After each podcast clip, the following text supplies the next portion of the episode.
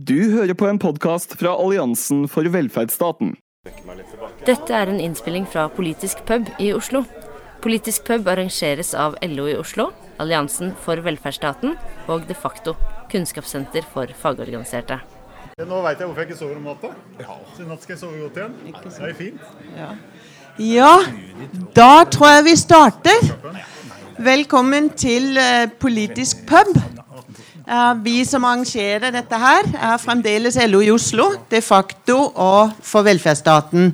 I lanseringen av den puben her, så har vi da eh, skrevet at Oslo-modellen er utviklet for å stanse og da i hermetegn, for det er det som har vært begrunnelsen eh, offisielt, en svært bekymringsfull utvikling i bygg- og anleggsmarkedet med utbredt arbeidslivskriminalitet, lønnsdumping og brudd på arbeidsmiljøloven. Og bekymringsfull utvikling er vel bare et, eh, det er en mild betegnelse, men det får vi vite litt om siden. Spørsmålet her er fordi da det ble avdekket et tilsvarende ulovlige arbeidsforhold innen helse og omsorg i kommersielle selskap i Oslo, har modellen også blitt utvida. Spørsmålet er hva er oppnådd? Hvordan skal tiltakene følges opp? Hvordan skal vi følge opp ikke bare innenfor bygg og anlegg, men også innenfor all, all virksomhet i Oslo kommune driver med, og har ansvar for som en stor både innkjøper og arbeidsgiver. Og ikke minst som i tillegg, hvordan følge opp 5 %-kontraktene som er useriøse næringens svar på dette årets endring i arbeidsmiljøloven. For den har vel også kommet på ditt bord, tenker jeg. I panelet så er da Robert Steen, finansbyråd. Eh, Den andre som skal snakke her, det er Boje Ullmann, som er organisasjonsarbeider i Rørleggernes fagforening. Eh, Så er det Trond Grande, som er skolevaktmester og driftsleder i, eh, og fagforbundmedlem. Eh, Tusen takk for at dere ville stille i denne politiske pub, og takk til alle dere som er i dag. Som sagt så håper vi at eh, vi får en god og konstruktiv debatt. Eh, og der igjen, dere som sitter i salen er like viktige som vi som sitter her oppe. Og møtelederen, det er meg, Helene Bank. Og da tenker jeg vi gjør det sånn som vi har pleid å gjøre. Litt sånn kort, korte innledninger. Litt respons på hverandre, og så åpner vi for salen. For da er det, da er det viktig at vi får den, eh, får den dialogen. Og mange av dere som jeg ser rundt nå, har allerede erfaringer som jeg vet kan være viktige i debatten. Så Robert Steen, finansbyråd i, eh, i Oslo-byrådet. Du får ca. 15 minutter. Og så at du orienterer litt om hvordan dere har jobbet med Oslo-modell og mot sosial dumping. Og hvordan og hvorfor dere utvidet modellen også til å omfatte velferdstjenestene. Vær så god. Takk skal du ha, Irene. Eh, Jeg kjenner jo igjen en del av eh, ansiktene. Det betyr at eh, dere har hørt meg snakke om disse tinga før. Noen av dere. Og så er det noen jeg ikke kjenner igjen. Så jeg håper kanskje at noen kan oppleve at de har en som snakker om noe nytt også. Jeg har forandra på innledningen min, fordi at nå har jeg i tre og et halvt år gått rundt og sagt at jeg er ny i politikken. Stemmer ikke det, Boje? Og etter tre og et halvt år så virker det ikke lenger. Eh, Det er ikke noen unnskyldning lenger. Eh, Så jeg er ikke så ny i politikken lenger. Jeg har nå vært politiker i tre og et halvt år eh, og må begynne å ta litt ansvar eh, for både det jeg har gjort og det jeg holder på med. Eh, Men jeg mener jo fortsatt at mesteparten av livet mitt har jeg jo ikke vært politiker. Eh, Og det gjelder fortsatt, da, selv om jeg har vært politiker i tre og et halvt år. Det kan ikke løpe fra, fordi det er noe med alder som syns. Eh, og det har en viss relevans da, til dagens tema. Og de som har hørt meg før, de veit hvilken relevans det har, og hvordan jeg prøver å spille det opp. Jeg starta min arbeidskarriere i byggebransjen. Uh, Jobba i boligbyggelag her i Oslo. Var med på byfornyelsen på Bjølsen, byfornyelsen i gamlebyen. Det var det som var eh, byfornyelsesområdene på slutten av 80-tallet.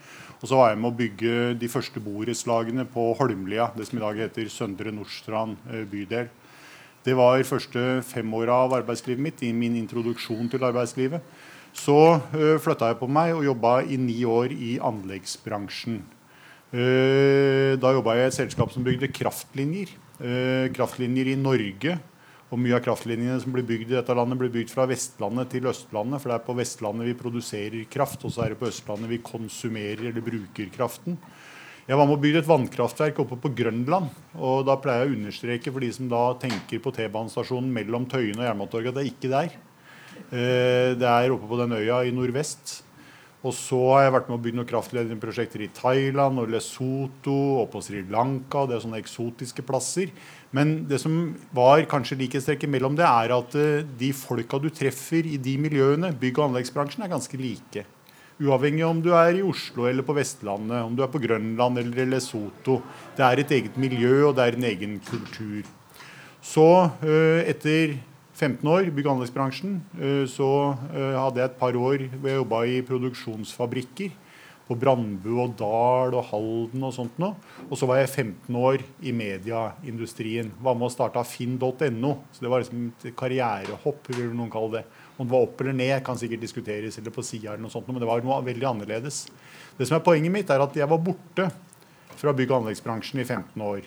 De årene var fra 1999-2000 fram til 2015. Og Det vil jeg anbefale noen å prøve noen ganger. Fordi når man er borte fra noe, så ser man endringer der hvor det har skjedd endringer, mye mer kraftfullt enn når man sitter midt oppi det. Jeg pleier ofte å spørre folk om de har vært på sånn 10- og 20-årsjubileum for ungdomsskoleklassen sin. Det er det veldig mange som har vært, i hvert fall hvis det er en forsamling som er over 20 år. Uh, og så pleier jeg også å spørre om det er flere enn meg som har merka at de andre har blitt eldre. Og det er et bilde veldig mange kjenner seg igjen i. Det stemmer. De der kjekke gutta de har fått mave, og så har de fått høl i håret, og så ser de mye eldre ut. Men jeg, jeg er akkurat den samme som den gangen. Og vi mener det. Det er liksom kanskje det som er det mest skremmende. Og jeg tror litt av årsaken til at vi faktisk tror og mener det, er fordi at vi ser oss sjøl i speilet hver eneste dag. Og det er ikke store endringene som skjer fra mandag til tirsdag, eller fra tirsdag til onsdag. Og det er det utfordrende, også med samfunnsutviklinger og bransjeutviklinger. Fordi når jeg kom tilbake til min gamle kall det bransje, bygg- og anleggsbransjen, som finansbyråd og ansvarlig for innkjøpsregimen i Oslo kommune, så var det et dramatisk annet bilde jeg møtte enn det jeg forlot i 1998. Det hadde skjedd dramatiske ting. Der hvor jeg hadde lært en bransje å kjenne som var veldig velorganisert, hvor partene sto sterkt, hvor tariffavtalene var Bibelen og arbeidsmiljøloven var Gud, så var situasjonen en dramatisk annen. Arbeids Livskriminalitet hadde fått lov til å utvikle seg på et helt annet nivå enn det jeg forlot. Sosial dumping som forretningsmodell hadde fått lov til å sette seg her i Oslo i bygg- og anleggsbransjen på en måte som gjorde at eh, barn av unge mennesker i ungdomsskolen ønsket ikke lenger å anbefale sine unger å ta fagutdanning. Så langt hadde det gått. Og det var veldig synlig når man har vært borte i en 15-årsperiode fra en bransje. Så det er liksom litt av bakgrunnsbildet som jeg representerer som person. Så I tillegg så hadde jo da uh, også mitt parti gått inn i en valgkamp i, her i Oslo hvor jeg kommer fra Arbeiderpartiet, da, hvis det er noen som lurte på det. Jeg har lov å si det, Gård? Ja. ja. det er jo valg i år. Ja, ja. Vi hadde gått til valg på at vi ønsket å gjøre noe med seriøsiteten, særlig innenfor bygg- og anleggsbransjen. Og i den byrådserklæringen som de tre byrådspartiene lagde, altså vårt parti sammen med MDG og SV, eh, med eh, budsjettstøtte fra Rødt eh, Og på venstresida i politikken så tror jeg vi er ganske overensstemte i forhold til hva det er vi ser av ulumskheter, og hva vi ønsker oss av politikkområdet på dette området. Så det var relativt enkelt å lage en byrådserklæring hvor vi sa at når det gjelder seriøsiteten, særlig innenfor bygg- og anleggsfagene, og den utbredte arbeidslivskriminaliteten og den eroderingen av fagarbeiderne som vi så skjedde, den var en, det, det satt vi på kartet på byrådserklæringen. Det ønsket vi å gjøre noe med. Og det vi gjorde i forhold til å gjøre noe mer ut av politikken bare å preike, var at vi lagde det vi kalte for Oslo-modellen for et anstendig arbeidsliv. Oslo-modellen for et anstendig arbeidsliv er egentlig et sett med krav. Og da skal vi huske på fordi jeg vil bli veldig skuffa hvis Boje og jeg ikke har en diskusjon om EØS i kveld. Det pleier vi å ha. Henning? Mm. Kanskje i kveld? Ja. Vet ikke. Ja. Mulig. Jeg mener at hovedproblemet i bygg- og anleggsbransjen den ligger ikke i Brussel eller i Strasbourg eller et eller annet sted nede i Europa. Den ligger hos oss som norske politikere. Jeg mener at vi norske politikere har sovet i timen når vi fikk EU-utvidelsen østover i 2004, og vi tillot en utvikling i en bransje som vi kunne ha stoppa ved egne midler. Altså vårt handlingsrom innenfor EØS-regelverket er større enn den som ble fortalt oss av administrativt ansatte og av andre politikere. Og Det er det vi brukte i utviklingen av det vi kalte for Oslo-modellen for et anstendig arbeidsliv. Oslo kommune er Norges nest største byggherre. Det er bare Statsbygg som til tider er litt større enn det Oslo er når det gjelder å sette kontrakter ut i bygg- og anleggsbransjen. Vi kjøper bygg- og anleggstjenester for over 13 milliarder kroner i året. Og de kravene som vi stiller, blir veldig fort standarder i Oslo. Og er det standarder i Oslo, så har det en tendens til å smitte til nabokommuner, nabofylker og etter hvert til andre deler av kongeriket. Sånn har vi tenkt politikk. Så det vi gjorde når vi etablerte det vi kalte for Oslo-modellen for et anstendig arbeidsliv, var at vi sa at på bygg- og anleggsplassene til Oslo kommune så får du ikke lov til å jobbe hvis ikke du har med deg faste ansatte i minimum 80% stillinger. Du får ikke lov til å jobbe på våre bygg- og anleggsplasser hvis ikke du leverer minimum 10% av alle timeverkene med lærlinger. Du får ikke lov til å jobbe på bygge- og anleggsplassene til Oslo kommune med mindre du leverer minimum 50% av alle timeverkene av fagarbeidere.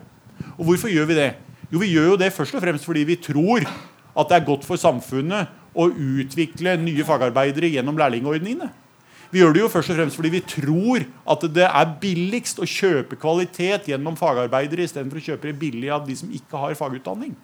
Men vi gjør det jo også fordi at vi tror at dette er limet i den norske arbeidsmodellen. Og fordi vi så at det var på disse områdene hvor de som kanskje ikke var så opptatt av seriøsitet, tjente noen ekstra kroner. Og det er en ekstremt kortsiktig tenkning. Dette gjør vi også for å bringe seriøsitet tilbake i en bransje som gjør at uh, ungdomsskoleelevers foreldre igjen ser at det er trygt og interessant å sende sine unge inn i en fagutdanning. Alt dette var med oss når vi lagde det som heter Oslo-modellen for et anstendig arbeidsliv. Altså en rekke krav. Og jeg går ut fra at uh, mange av dere kjenner disse kravene. Men det går på de tingene som jeg snakker om. Uh, tariffavtaler skal ligge til bånd, til grunn. Det skal være minimum for hvordan man uh, ordner sine lønns- og arbeidsforhold. Faste ansettelser var jeg inne på. I den utstrekning man bruker bemanningsbyråer, som i utgangspunktet er ulovlig i Oslo kommune, men du kan få en skriftlig godkjennelse for det i spesielle tilfeller. I dag så rammer det omtrent i underkant av 10% av avtalene. Mer enn 90% av avtalene løses i kommunen i dag etter Oslo-modellen uten bemanningsbyråer. Når du har bemanningsbyråer inne i kontraktene dine, så får du ikke lov til å ha avtaler med de ansatte som ikke sikrer de lønn mellom oppdrag.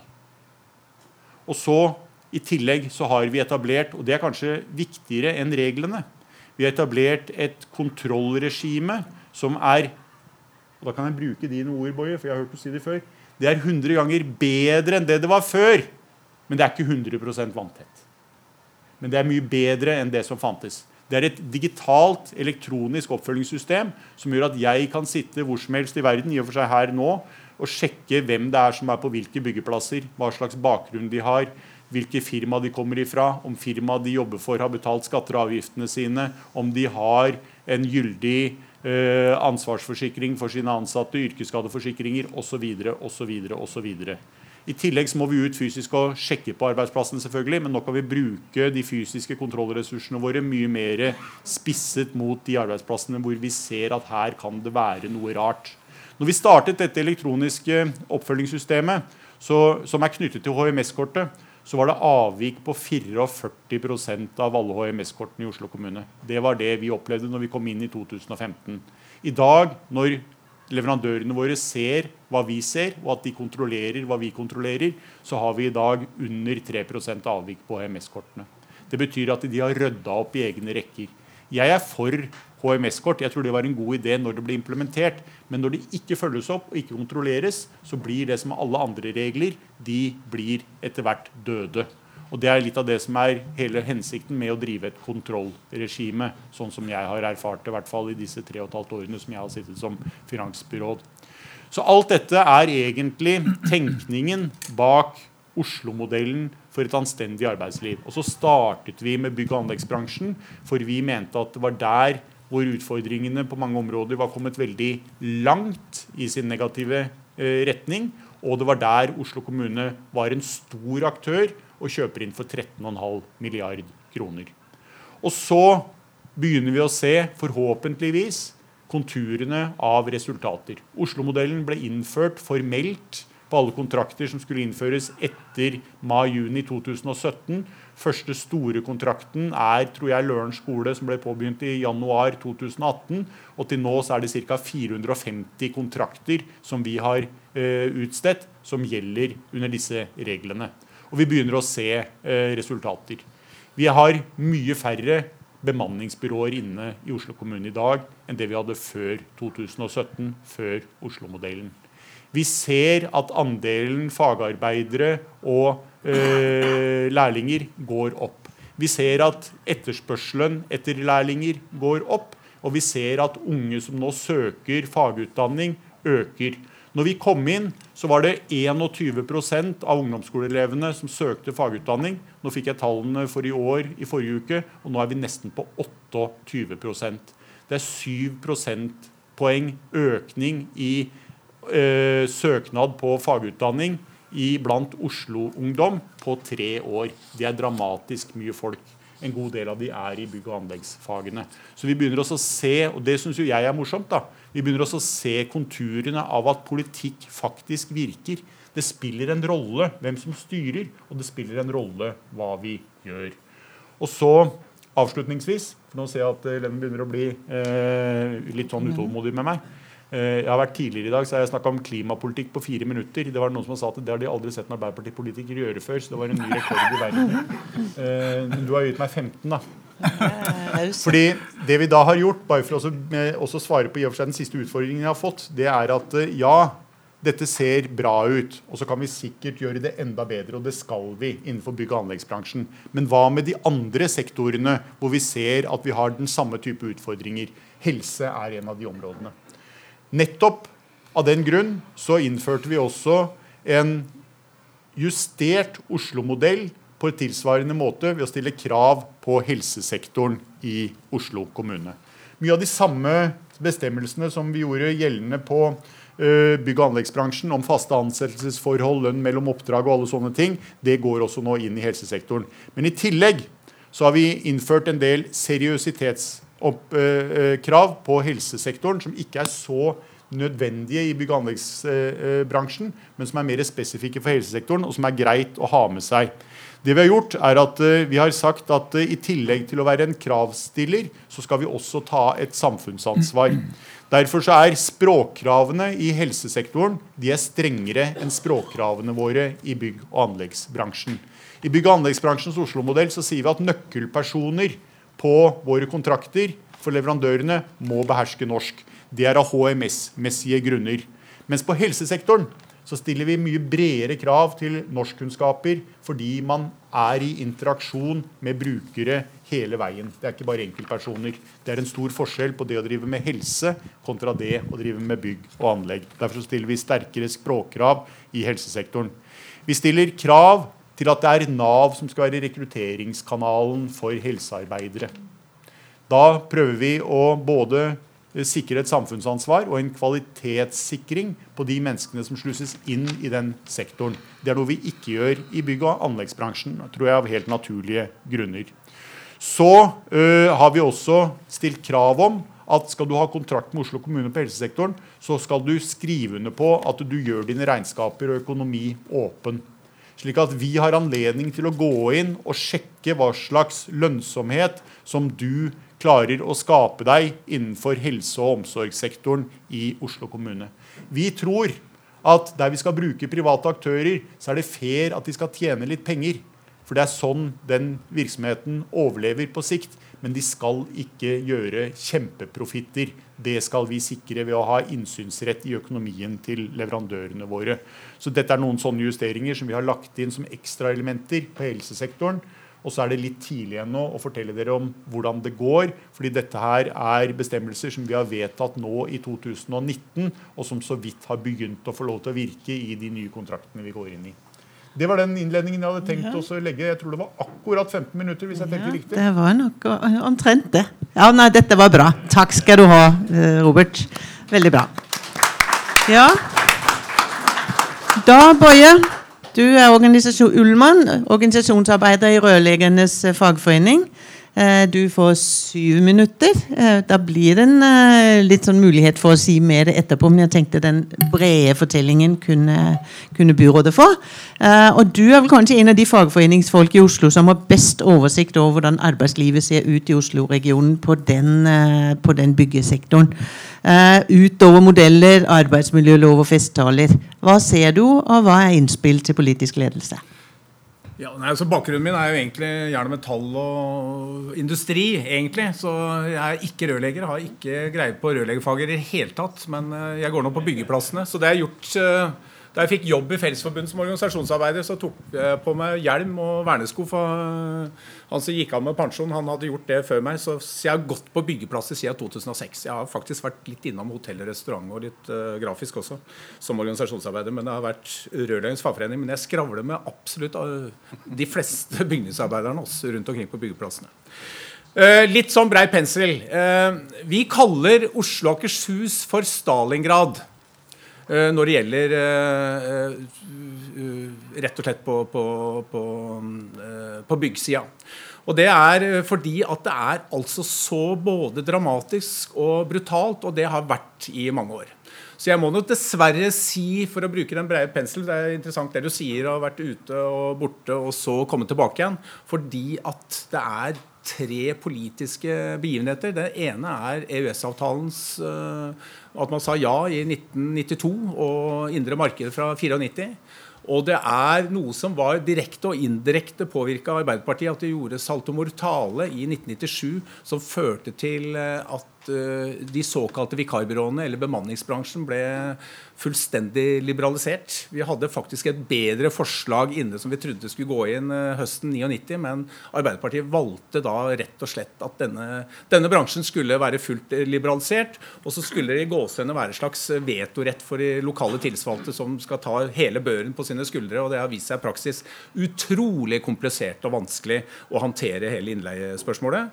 Og det er, som Robert var innom, så er det selvsagt østutvidelsen som da har ført til en eksplosiv eh, arbeidsinnvandring, og spesielt i vårt strøk.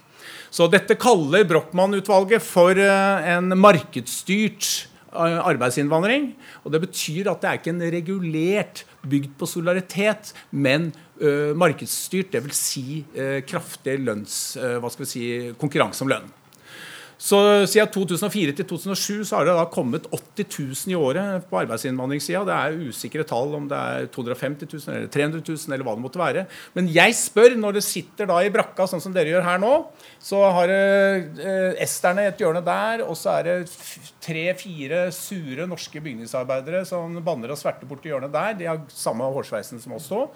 Og så er det et polsk bord og så et litauisk bord. Og jeg spør hvor mange av dere bor og slått dere ned i Norge? så kan det hende at det er én eller to som har slått seg ned i Norge.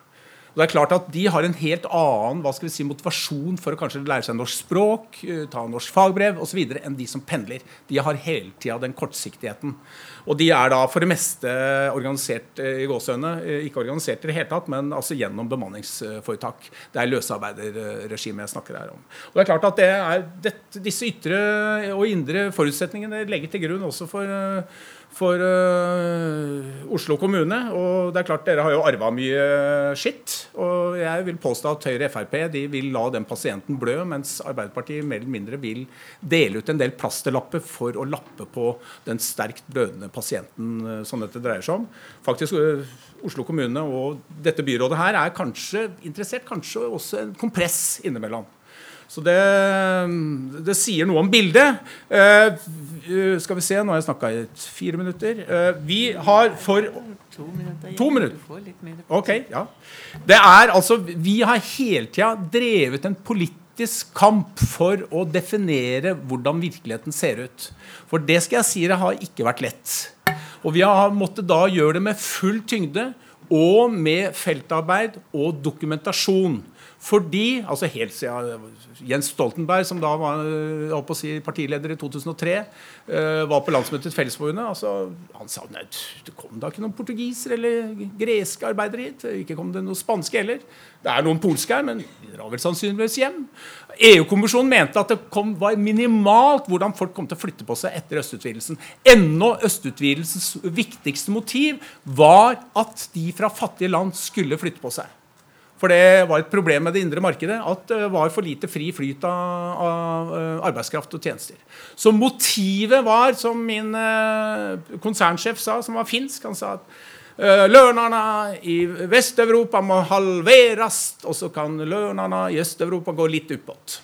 Så dette her er en dramatisk endring som jeg har skrevet kronikk om, som jeg ikke kan si noe særlig om, annet enn at det er 22-24 millioner som er i bevegelse på arbeidsinnvandring.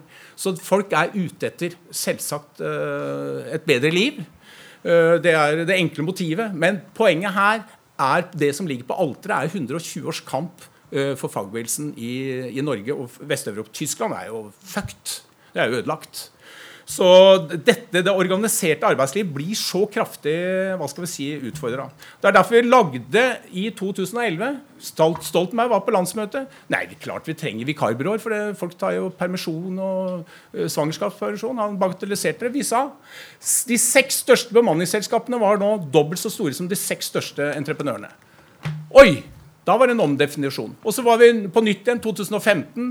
De seks største bemanningsselskapene var seks ganger så store som de seks største entreprenørene.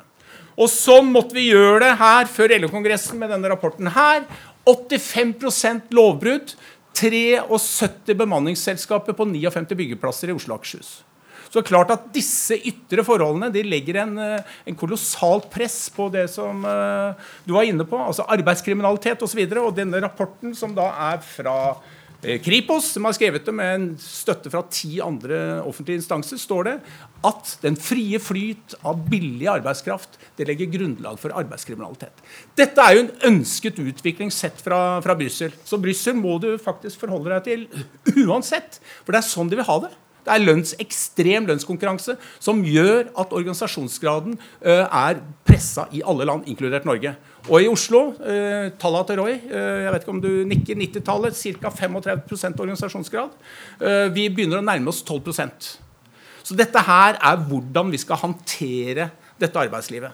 Og jeg tviler ikke på motivene til, til Robert i det hele tatt. Det er en av dem jeg ja, og begynner å rose for mye. Det kan være farlig. Men det er at det er faktisk en interesse. Altså, men allikevel. Du blir kraftig utfordra i, i, dette her bildet. Og det, som man liker det eller ei, så er det tall fra hvordan søknaden har vært. Og det er bra at det er en viss oppgang, men det er dramatiske endringer i, på yrkesfag på 70- og på 80-tallet. For ikke å snakke om bare siste de, fra 2010-11 fram til 2016 og 2017. Men de tallene er ja, det er eh, reduserte klasser fra i 2010 og 2011 i Akershus fra 29 ned til 16. Og eh, Oslo fra 2010-2011 fra 21 klasser ned til 14 klasser på, på byggsida. På de ulike delene. Så dette her er eh, alvorlig, men at det blir tatt på alvor her. Men eh, vi kommer tilbake igjen til, eh, til hva skal vi si, både tiltakene eller Det er hva skal vi si, det grove bildet. De, nå kommer det begrepet som jeg elsker. Vi har en del utfordringer. Eller jeg vil si Takk. store problemer og mye å ta tak i. Takk skal du ha, Bøye. Trond Grande, driftsleder, skolevaktmester for Fagforbundet. Eller organisert for Fagforbundet. Du, eh, du hadde en ganske sentral rolle da byrådet valgte å ta tilbake skolevaktmesterordningen, tror jeg. Noen har fortalt meg det i kommunal regi. Men eh, du kan jo også si litt om alternativene der hvor vi faktisk driver eh, i kommunal regi. Men vær så god, du har eh, ordet. Syv minutter på deg. Tusen takk. Trond Grande heter jeg. Til daglig så jobber jeg også som vaktmester på Haugen skole. Og har ja, verv i noe vi kaller i Fagforbundet for yrkesseksjon samferdsel og teknisk i regionen som, eh, som, driver på med eh, utvikling av forskjellige fag og, og fagpolitiske eh, argumenter for å, å ja, gjøre ting bedre, styrke våre medlemmer sin evne til å, å ha et godt arbeidsliv. Eh, men det jeg skal snakke om, er liksom eh, For det her har jo vært en, en suveren greie å ta tilbake skolevaktmesterne, for det første. Der må byrådet få eh, full, full applaus altså, for at, at, de faktisk har gjort det. Så bare kom igjen, gi dem en applaus for det. Men Eh, eh, for, for, for det, det, er helt åpenbart at det er noe av det første som står på, på uh, kuttlista til hvis vi får tilbake eh, blå-blått byråd. Det er å, å, privatisere alt det som nå har blitt tatt tilbake. Og, og, og, det er jo Det som har slått med hele veien, er at det, det finnes da et sjikt av ledere, direktører, byråkrater ute i etatene eh, som eh, har stritta imot eh, med nebb og klør hele veien. Derfor har det her vært en kolossal lang, treig prosess. Eh, altså, det var helt åpenbart for to, for to år siden, når denne prosessen begynte, at byrådet ønska å ta det her tilbake. og ba Utdanningsetaten Undervisningsbygg å gjennomføre en undersøkelse om hvordan det her skulle, skulle kunne gjøres. Eh, inn, kjøper de en tjeneste fra et konsulentfirma, og så eh, bruker de masse intervjuer og intervjuer masse skoleledere. 80% ser helt tydelig at det er mye bedre å ha fast ansatte skolevaktmestere for å kunne eh, drifte skolene. Eh, og så er det en del som er eh, litt mer utydelig. Eh, vi ville jo gjerne at de skulle undersøke hva holdninga var blant lærere, blant uh, driftsingeniører i undervisningsbygg, altså folk som var litt lengre ned i nærkontakt. Men det var de ikke interessert i. Men likevel, da, selv om 80 er helt tydelig på at det er stor forskjell på å ha en egen ansatt vaktmester og leie inn noen, så, så, klarer de her å konkludere i sine rapporter at det, Eh, helt nødvendig å drive med innleie, av uh, å sette det her ut på anbud. Uh, og, og, det ja, og så er jo 20 fornøyd. Så, så, da er det jo helt klart at det her er fornuftig. Her, de her rapportene de var jo selvfølgelig drittdårlige, og vi, vi kommenterte det fra Fagforbundet som, som altså motsetningen som lå i de her rapportene hver gang. kommenterte vi jo. Men det kom jo aldri fram da, hva de drev på med, fordi at de, de klarte jo å hemmeligstemple det her umiddelbart. Eh, Dvs. Si unndratt fra offentlig innsyn, tror jeg det, det heter. Sånn at eh, ikke engang politikere, noen få antagelig, fikk lov å, å, å, å lese de rapportene. Men eh, det er jo sånn da at eh, vi er nødt til å ta flere skritt for å sørge for at arbeidslivet for de offentlige tjenestene blir bedre. Og Da tenker jeg spesielt på renhold. Og, og, og det å, for, for, altså Spesielt på skole vil jeg si at det, det, å ha egne ansatte renholdere er like viktig som å ha egne ansatte skolevaktmestere. fordi at da kan du spille på parti med, med lærere, eh, eh ledelse på skolen, på parti med unger. Få tettere samarbeid. altså og, unge får, eh, får, rett og slett et forhold til, eh, til, til, de ansatte. Og når man har et firma, så vasker de grytidlig på morgenen før det kommer noen elever. Og så vasker de sent på kvelden når det ikke er noen elever. Sånn at unger de ser liksom ikke hvem som faktisk gjør den jobben, og blir, blir ikke kjent med dem. ikke sant? Og da mister du jo faktisk òg helt åpenbart alt nødvendig akuttrenhold. Ikke sant? Jeg vet ikke hvor mange av dere som har hatt barn og uh, fått beskjed hjemme om at det har vært grisete på uh, toalettet, at det har vært bæsj på, på, på, på veggen osv. Uten at du har renholdere der i løpet av dagen. Det blir, de blir ikke gjort noe med. ikke sant? Lærere vil jo ikke ta i det. Uh, selvfølgelig. Også, det er kun renholdere som, som, som, som, gjør den jobben. Så så er vi jo sannsynligvis klar over det, at, eh, at uh, renholdere er et av de viktigste yrkene. Eh, altså det er Det er frontsoldatene, frontlinja i alt HMS-arbeid.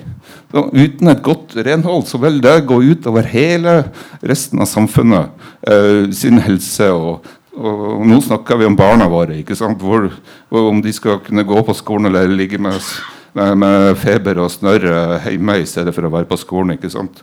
Det, det, det, det er jo rett og slett det det dreier seg om.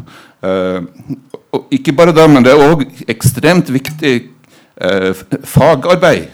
Eh, hvis man ikke gjør det her riktig, så er renhold et direkte farlig yrke. Det er sånn at uh, Dere vet det kanskje ikke, men hvis man bruker sånne spruteflasker uh, som lager sånn fin såpesky, så du så får du kols helt garantert. En alvorlig sykdom. ikke sant? Har du ikke kunnskap om, om, om, kjemien, hva som er farlig, hvordan, hvordan du skal kunne bruke det, så, så, så, lever du ikke lenge som renholder. Og faktum er da at de som gjør denne viktige jobben, rent faktisk ikke tar del i det som er, er tendensen ellers i samfunnet, nemlig det at vi alle lever mye lengre. I gjennomsnitt så viser statistikken at gjennomsnittlig levealder for le renholdere har gått ned. Eh, ikke ekstremt mye, men det har gått ned med ca. 0,4 år. Eh, altså bare det at det, er en tendens der alle andre i hele samfunnet omtrent eh, eh har gjennomsnitt en økt levealder, sier at her er det eh, noen grep som må gjøres for å, å, å, å skape et verdig arbeidsliv for, eh, for de som er i fronten for at vi andre skal ha det bra. Ja. Takk skal du ha, Trond. Ja, nå, nå, tenker jeg jeg skal åpne opp. Jeg har litt spørsmål, jeg òg, men jeg tenker at det ene så skal dere få lov òg. Men jeg lurer på først eh, Nå har du hørt disse, disse, to her. Er det noe du vil si, eh, Robert, før vi åpner? Så kan dere bare begynne å tegne dere, så eh, så eh, får dere ordet etter hvert. Jeg har, jeg har, et par refleksjoner som jeg tenkte kunne være relevante, og som jeg kan dele med dere, som gikk opp i huet mitt mens jeg hørte her. Uh, for det første så er det utrolig bra at vi har sånne som dere. Dere skal fortsette å holde oss i øra. Og så skal vi fortsette å levere som best vi kan. Og sånn driver vi dette videre. Det har jeg stor tro på. Og det, og det, jeg, jeg, sier ikke det fordi jeg har lært meg politikerspråket. Uh, men har, dette sier jeg fordi jeg har levd i snart 60 år. Uh, og jeg veit at det er sånn vi mennesker fungerer. Vi har intensjoner. Noen ganger så er det til og med gode intensjoner. Men vi trenger en gang iblant et lite tupp i ræva for å komme oss ut og trene når det regner, eller hva pokker er vi måtte ha en eller annen intensjon om. Derfor så funker faglig-politisk samarbeid. Og det skal vi fortsette med. Uh, ellers så sovner vi som politikere. Så Det var den ene refleksjonen jeg gjorde på meg. Fordi Jobben er ikke gjort fordi vi har innført Oslo-modellen i bygg- og anleggsbransjen. Vi har mange mange områder som lider. Den andre refleksjonen går på det som du er inne på. Taper vi valget til høsten, så kommer høyresida tilbake igjen. Og det er ikke noe alternativ. altså. Så Det er også en sånn bit som jeg tror er viktig for oss når vi nå stunder mot kommunevalg i Oslo. Mobilisering i forhold til venstresida i politikken. Da skal jeg ikke si at dere skal stemme på Arbeiderpartiet, men dere må holde dere på venstresida i politikken for at dette skal kunne drives videre i den retningen som vi ønsker oss. For alternativet er å gå tilbake til det som vi definitivt ikke ønsker oss. Så Det er et par sånne refleksjoner som jeg gjorde meg når jeg hørte på dere. Uh, så har Boje bedt om ordet, og så har jeg fremdeles åpent for dere. Boje? Ja, nei, altså øh, Det ene punktet som, øh, som, er viktig å utfordre dere på, det er straff og bøter. Altså, Vi er inne i fase 1 hvor er Oslo-modellen, hvor du har, som du sier, setter opp en del krav. Og så er det hvordan du skal håndtere når dette blir brutt. Så jeg var på Statsbygg, for det gjelder jo ikke dere. Men det var jo et forferdelig opplegg de hadde på ut på campen på Ås. Det gjaldt jo elektro, som var virkelig stygt. Jeg har ikke tid til å ta hvordan det var stygt. Men de følte seg helt handlingslamma i Statsbygg. Hva skulle de gjøre med det? For det var jo prosjektet har kommet såpass langt.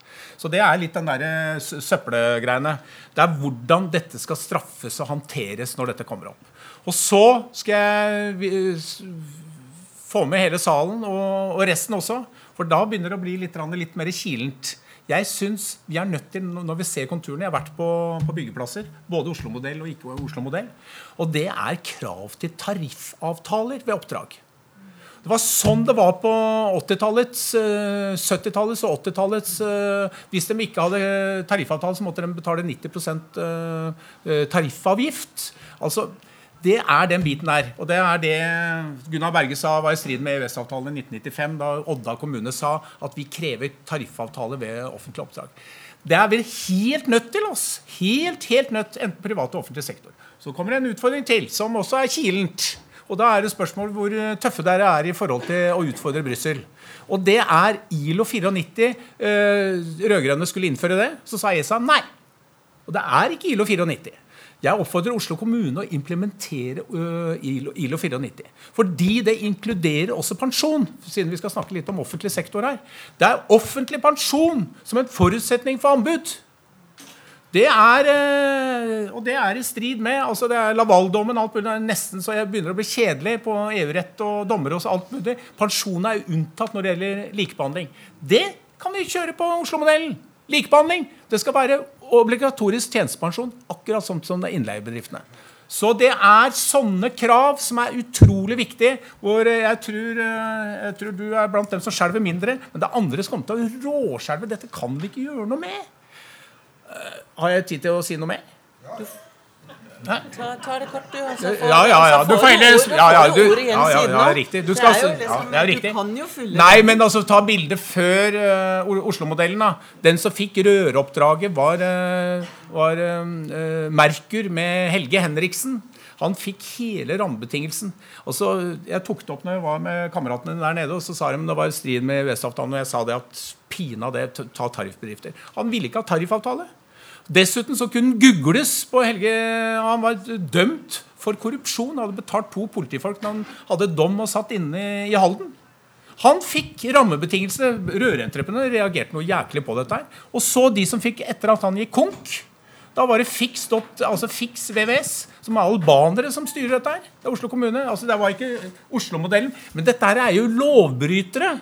Og så Det er ikke noe vits å bryte loven fordi om det ikke er Oslo-modell. Og det får jeg ikke tid til mer nå, men er, jeg kan gå inn på både Deichmans og på, også på, på Munken. Og så skal jeg ta noen sånn Oslo-modellseksempler, men det kan jeg ta etterpå. Det er bra. Nå er jeg Stein, og så er jeg Atle på, eh, på lista her. Og nå gjør jeg bare rett og slett det kommer det en dame som ber om ordet, så kommer hun rett inn eh, etter nærmeste mann. Bare så du vet det. Så det er bare å begynne å tegne dere. Det syns jeg hørtes veldig fornuftig ut. Uh, bare en liten refleksjon først. altså Jeg har jo en bakgrunn som PAMP også, eller sånn som jeg i hvert fall kaller PAMP. Jeg var jo Orkla uh, konserntillitsvalgt. Og selv i pamperoller, altså ikke som politiker, så er det veldig ålreit med folk som puster deg i ryggen og sier at nå må du jaggu gjøre en jobb. For det, uh, for det at den type opposisjon dennefra, den type trøkk nedenfra, er også viktig internt i fagbevegelsen, eh, vet jeg veldig godt fra egen erfaring. sånn at eh, det trøkket du får til, er helt avgjørende for at du faktisk leverer resultater. Bare litt apropos i forhold til diskusjoner om hva man er på forskjellige nivåer i, i fagbevegelsen. Men eh, jeg tenkte jeg skulle underholde, eller ikke underholde, men fortelle historier fra det mørke fastland. For jeg har jo noen roller. Så jeg sitter i et samarbeidsutvalg i Bærum kommune mellom ansatte og og politisk ledelse. Jeg vet ikke om jeg kan kalle det det når jeg sitter for Rødt i samarbeidsutvalget i Bærum. Men det er i hvert fall sånn at uh, bare for, for, det første så er det sånn at det politiske flertallet i Bærum og administrasjonen i Bærum de vil ikke innføre Oslo-modellen. Det er et helt bevisst valg uh, som uh, blir begrunnet for administrasjonen med at det er så jævlig mye jobb å undersøke. Sånn at de plukker ut noen av de elementene, altså de som ligger i de offentlige statlige innkjøpsreglene.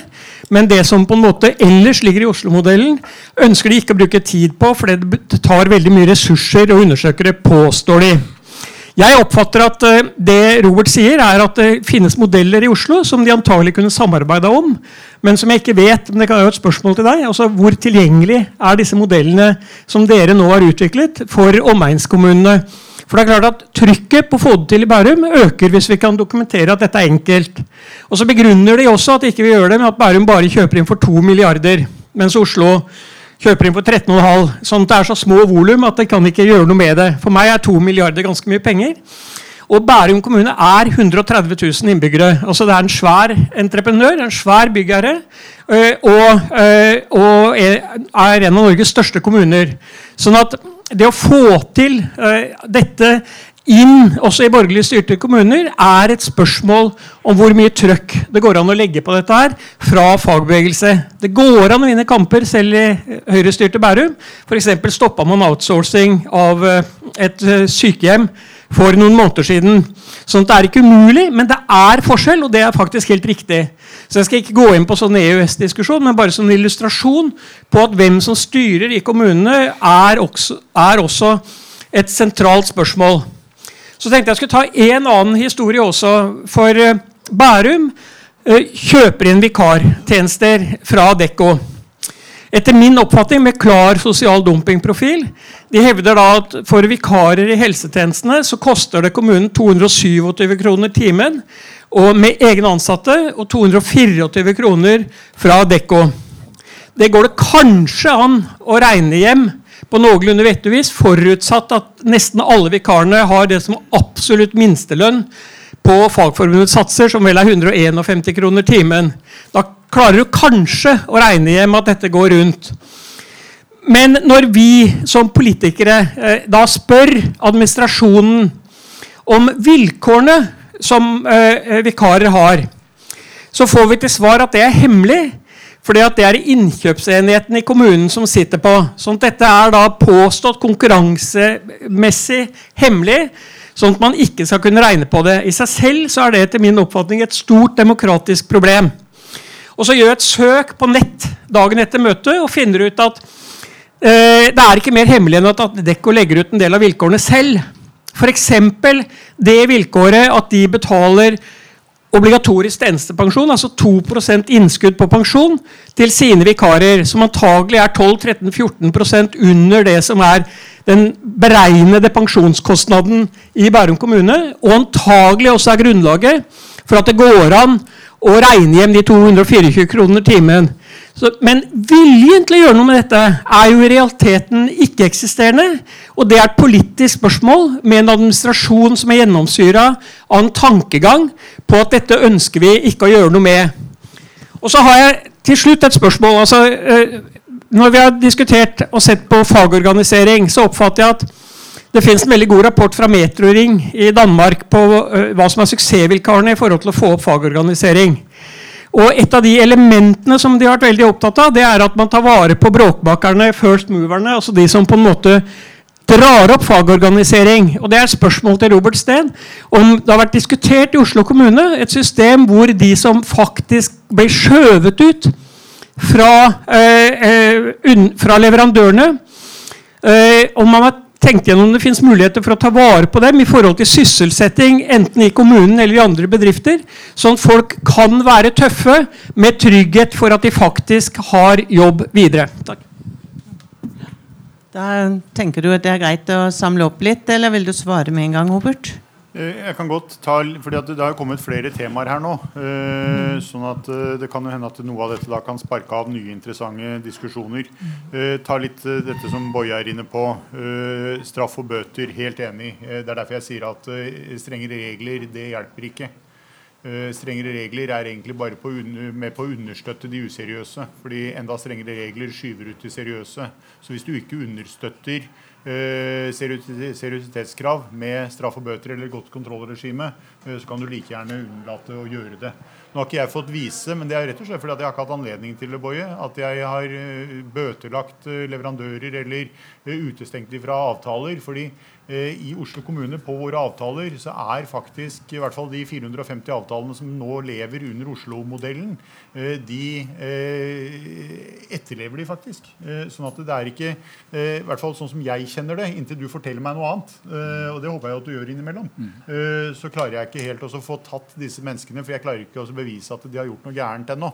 Og så nevnte du dette med uh, Munch og Deichman. helt sikkert, Der finner du massevis som er utenfor Oslo-modellen, men det er heller ikke omfattet av Oslo-modellen. Dette er jo kontrakter som ble satt under det gamle Høyre-byrådet. Uh, og det er vanskelig å få forandret kontrakter som allerede er inngått. slik at uh, Oslo-modellens bestemmelser har jo ikke tilbakevirkende kraft. Så det er jo en del, særlig de store byggene i Oslo, som fortsatt lever under det gamle regimets uh, regelverk. bare for å ha dekket også det med Munch og Deichman. Så dette som var litt inne på i, siste innspillet her. ja, Oslo skal være fyrtårn, og vi skal smitte. Og vi skal også smitte til Bærum. Eh, Oslo-modellen er innført akkurat én til én i Tromsø. Tromsø så dette og gjorde det. Lørenskog har gjort det. Bodø har gjort det. Og det de sier, er det samme som deg. Når vi gikk og spurte om disse tingene før Oslo hadde innført Oslo-modellen, så svarer administrasjonen i og for seg det samme de svarte meg i Oslo. Dette er ikke lov. Dette er i strid med EØS-reglene og Brussel. Og det er jævlig dyrt, så det har du ikke råd til. De tre punktene er det som gikk igjen nærmest som en sånn papegøyegreie. Og da var det godt å ha vært en del av bransjen før. Jeg jobba i boligbyggebransjen slutten av 80-tallet. Da var det litt sånn boom her igjen. Og så var det dårlig for bakere i Danmark. Så da importerte man bakere i Danmark til å bytte vinduer i borettslag i Oslo. For det var billig. Bakerne i Danmark, de Dette var før EØS-utvidelsen østover, Boje. Eh, så da var den kanskje sørover til Danmark. Så vi har jo brukt den type aktiviteter. Bygg- og anleggsbransjen er en, er, en, er en, bransje med små marginer. så De har alltid vært kreative på å prøve å tjene litt ekstra penger på kort sikt. Og det var billig å få tak i bakere. Problemet var imidlertid at eh, bakerne fikk seg jobb i Danmark igjen, så de dro hjem. Og så, etter tre år, så begynte vinduene å ramle ut. Og da får du virkelig syn på sagn at det er dyrt å kjøpe billig. Og Det er jo det som er litt av hele hovedtenkningen rundt langsiktighet og bærekraft som vi som samfunnsaktører har et ansvar i forhold til. Og Da er det godt å kunne ta den diskusjonen da, med disse administrative juristene som sier at dette har du ikke råd til fordi alt blir så dyrere. Nei, det blir ikke dyrere. Det blir billigere å kjøpe skikkelig. Og det blir i hvert fall samfunnsøkonomisk bedre når vi også bygger egenkompetansen til å kunne bygge denne byen som er i en vekstområde. Så den biten den parkerte vi ganske fort. Og nå har vi begynt å kunne regne på disse oppdragene som har gått under Oslo-modellen. Det er ikke dyrere. Så parker hele den der diskusjonen med dyrere. Be de ringe meg. Så er det det der med frykten for EØS. Og den, Jeg skjønner at det små kommuner, fet kommune i Akershus, har ikke ressurser til å stå opp imot en eller annen jurist som sier at det, dette er i strid med EØS-lovgivningen. Det er klart det er komplisert for en liten kommuneadministrasjon. I Oslo så har vi Hanne Harlem som kommuneadvokat. Hun har vært øh, justisminister. Og så har hun vært lillesøsteren til en annen statsminister. Eh, sånn at hun har en annen faglig tyngde kanskje enn det som er juridisk ekspertise i småkommuner i Norge. Det er det Lørenskog kommer til å si til meg. Tromsø sier det. Hvis Hanne Harlem har sagt at dette er greit, og hun har sagt at hun blir med deg til Brussel hvis du blir saksøkt for EØS-domstolen, så innfører vi Vi bør ikke undersøke noe mer sjøl. Fordi da gjør vi, da stoler vi på at Oslo har gjort dette. Og vi er helt sikre på at de som blir kjørt først i sånne rettssaker, det er Oslo. Så vi kan nå skjule oss bak dere, og så kan vi gjøre det samme som dere. Det burde Bærum gjøre. Bærum burde si at nei, dette her er utreda av Oslo. Da kan vi lene oss på det og innføre det. Og så en liten, eh, kall det advarsel, brannfakkel, tilbake til Fellesforbundet. Fordi jeg har akkurat vært i en dialog med en annen relativt stor bykommune fra Østfold, som nå sier de skal innføre Oslo-modellen. Men det er et par-tre elementer i Oslo-modellen de ikke tar inn. Og så lener de seg på det som de mener er omtrent det samme som Oslo-modellen, nemlig Difi, KS og Fellesforbund modellen, der er det ikke krav om faste ansettelsesforhold. Der er det ikke krav om lønn mellom arbeid. Der er det ikke krav om HMS-reg som et kontrolloppfølgingssystem. Det er bærebjelken i Oslo-modellen. Og så sier de at de kan innføre Oslo-modellen, og så støttes det av Fellesforbundet. Da går jo limet opp, da. Det limet som vi ønsker å etablere ved å lage et bollverk av kommuner som kan gjøre det samme, og som bygger disse byggesteinene, som sikrer den seriøsiteten. Og det må vi jo ikke begynne å belage oss inn på. Der har også fagforeningene en jobb å gjøre internt i sine egne rekker. altså. Sånn at det er ikke bare vi politikerne som skal løse alle problemene. Jeg blir så gammel at jeg tør å si det. Det er jævla bra. Her må vi faktisk jobbe sammen. Vi kan ikke si at 'dette, Robert, må du ta deg av'. Og hvis ikke, så stemmer jeg ikke på deg. For det er ikke sikkert at det kommer til å løse samfunnsutviklingsutfordringene for unga våre. Altså. Så vi må gjøre dette sammen på et eller annet slags vis. Mm. Så da fikk jeg sagt det òg. Det var deilig. Ja. Du har bedt om ordet, Bøye, men nå la jeg, slipper jeg til litt mer sal her. Ja. Så du har Atle først, og så er det du nede i hjørnet etterpå. Hei, Helene. Du så nesten litt utålmodig ut i sted. Jeg skal bare varsle om at jeg har en aldri så liten intro til spørsmålet mitt. Bare så, bare så ja. Um, jeg heter Atle Rostad. Jeg uh, jobber i skjæringspunktet mellom industri og olje, hvor jeg òg er tillitsvalgt. Og så er jeg med i styret til denne her uh, industriaksjonen, som stadig ruller mer og mer. Uh, Robert Steen, bare sånn før vi kommer til det egentlige poenget mitt, så, så nevnte du i starten at, at kraft du bygde kraftlinjer. og sier at Kraft det produseres på Vestlandet, konsumeres på Østlandet. Og med ett så gikk det opp for meg hvordan liksom Arbeiderpartiets sentralledd klarte å overse ACER-opprøret i egne rekker. Fra liksom tillitsvalgte ordfører i hele den kraftkrevende industrien. Men det var nok sikkert en, en liten fornakkelse. Um, det jeg ville først og fremst trekke oppmerksomheten på, eller vekk ifra, Selvfølgelig så foregår det veldig mye rart og veldig mye snusk i Oslo sin byggebransje. Og det er jo den som har vært framheva altså veldig mange ganger i senere tid som på en måte erkeeksempelet på hvor det faktisk har gått veldig dårlig. Helt til 2017, vil du kanskje innvende, men veldig dårlig. Utviklingen har vært veldig negativ. Bemanningsbyråene har gjort sin inntreden og transformert denne bransjen til noe helt annet enn det man kan kalle den norske modellen. Jonas Gahr Støre sa jo sågar før valget for halvannet år siden at det hersker amerikanske tilstander, ikke norske tilstander, i byggebransjen i Oslo. Og da har vi et problem. Så vil jeg gjerne peke på den semantiske glidningen her. For at når man framhever Oslo-modellen, så kan kanskje det ses på som en sånn etablert form for altså etablerte samfunnsstrukturer, sånn i tråd med den norske modellen. Men Oppfatningen er jo, eller realiteten er nok at det er helt forskjellige ting vi snakker om. Den norske modellen beskriver et sett av samfunnsstrukturer og en maktbalanse som har tjent oss vel gjennom generasjoner. Oslo-modellen derimot, det er et hederlig, velmenende eh, forsøk på å lappe sammen noe, et botemiddel, på det som da er amerikanske tilstander blitt. Sånn, så det er viktig å ha dette for seg. Altså det, det, det, er nødvendig at det spres til flest mulig kommuner og fylkeskommuner. Men det er veldig viktig samtidig å ha for seg hva den grunnleggende utfordringa her er. Og da tar jeg steget videre til, til denne her bemanningsbransjen. For Det er ikke sånn at den kun er et problem i Oslo, altså i byggebransjen rundt Oslofjordområdet. Jeg er sjøl fra industrien. Jeg vet hvordan den er herjer langs kysten. Jeg vet hvordan verft petrokjemiske landanlegg er fullstendig blotta for noe som ligner på den norske modellen etter hvert. Dette er et kjempeproblem. Og det tror jeg sånn peker på at dette er ikke noe man kan gripe inn i kun, kun regionalt og kommunalt. Dette er noe man må se helhetlig på. Den industriaksjonen som jeg eh, sitter i styret til, har eh, programfesta at løsarbeiderbyråene må ut av det norske arbeidslivet. Det kommersielle løsarbeiderleddet har ingen rolle i et sivilisert samfunn, og heller ikke i en verdensanskuelse til enhver som med seriøsitet kan kalle seg for sosialdemokrat, er min påstand. Så uttaler Støre seg i dag i Fri fagbevegelse om Arbeiderpartiets nye program på arbeidslivspolitikk. Og så sier han vi vil ikke ha et forbud mot bemanningsbransjen. Kanskje er det mulighet innenfor EØS-avtalen å vedta en regional begrensning. Men han setter dette helt klart opp imot handlingsrommet i EØS-avtalen. Og utfordrer dermed hele fagbevegelsen på den avtalen.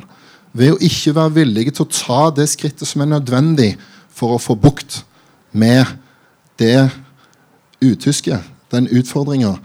Integreringsutfordring maktbalanseutfordring som denne bemanningsbransjen utgjør. Og Da har han gitt seg selv et problem. Så er spørsmålet Robert Stein, hva vil du med erfaringene på hvor vanskelig det er å håndheve dette i Oslo-området? Hvor mye det allikevel fins på tross av alle gode intensjoner? Hva vil din beskjed til Støre og resten av det arbeidet som foregår i Arbeiderpartiet, hva vil den være? Takk.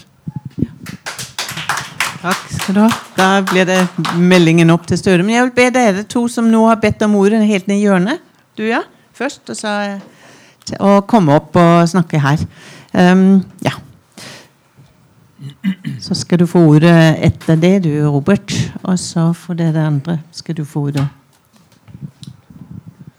Ja, jeg kommer fra byggebransjen.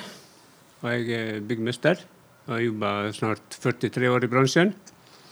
Og jeg er ikke helt uh, enig med deg fra Arbeiderpartiet, som sier uh, altså, Du snakker om uh, Oslo-modellen. Ja, mye bra. Men når du snakker om HMS-kort, f.eks. EØS-regimet som du jeg forstår at du står bak, eller støtter du, du, har ikke rett til å be om at dere skal ha et HMS-kort på en byggeplass.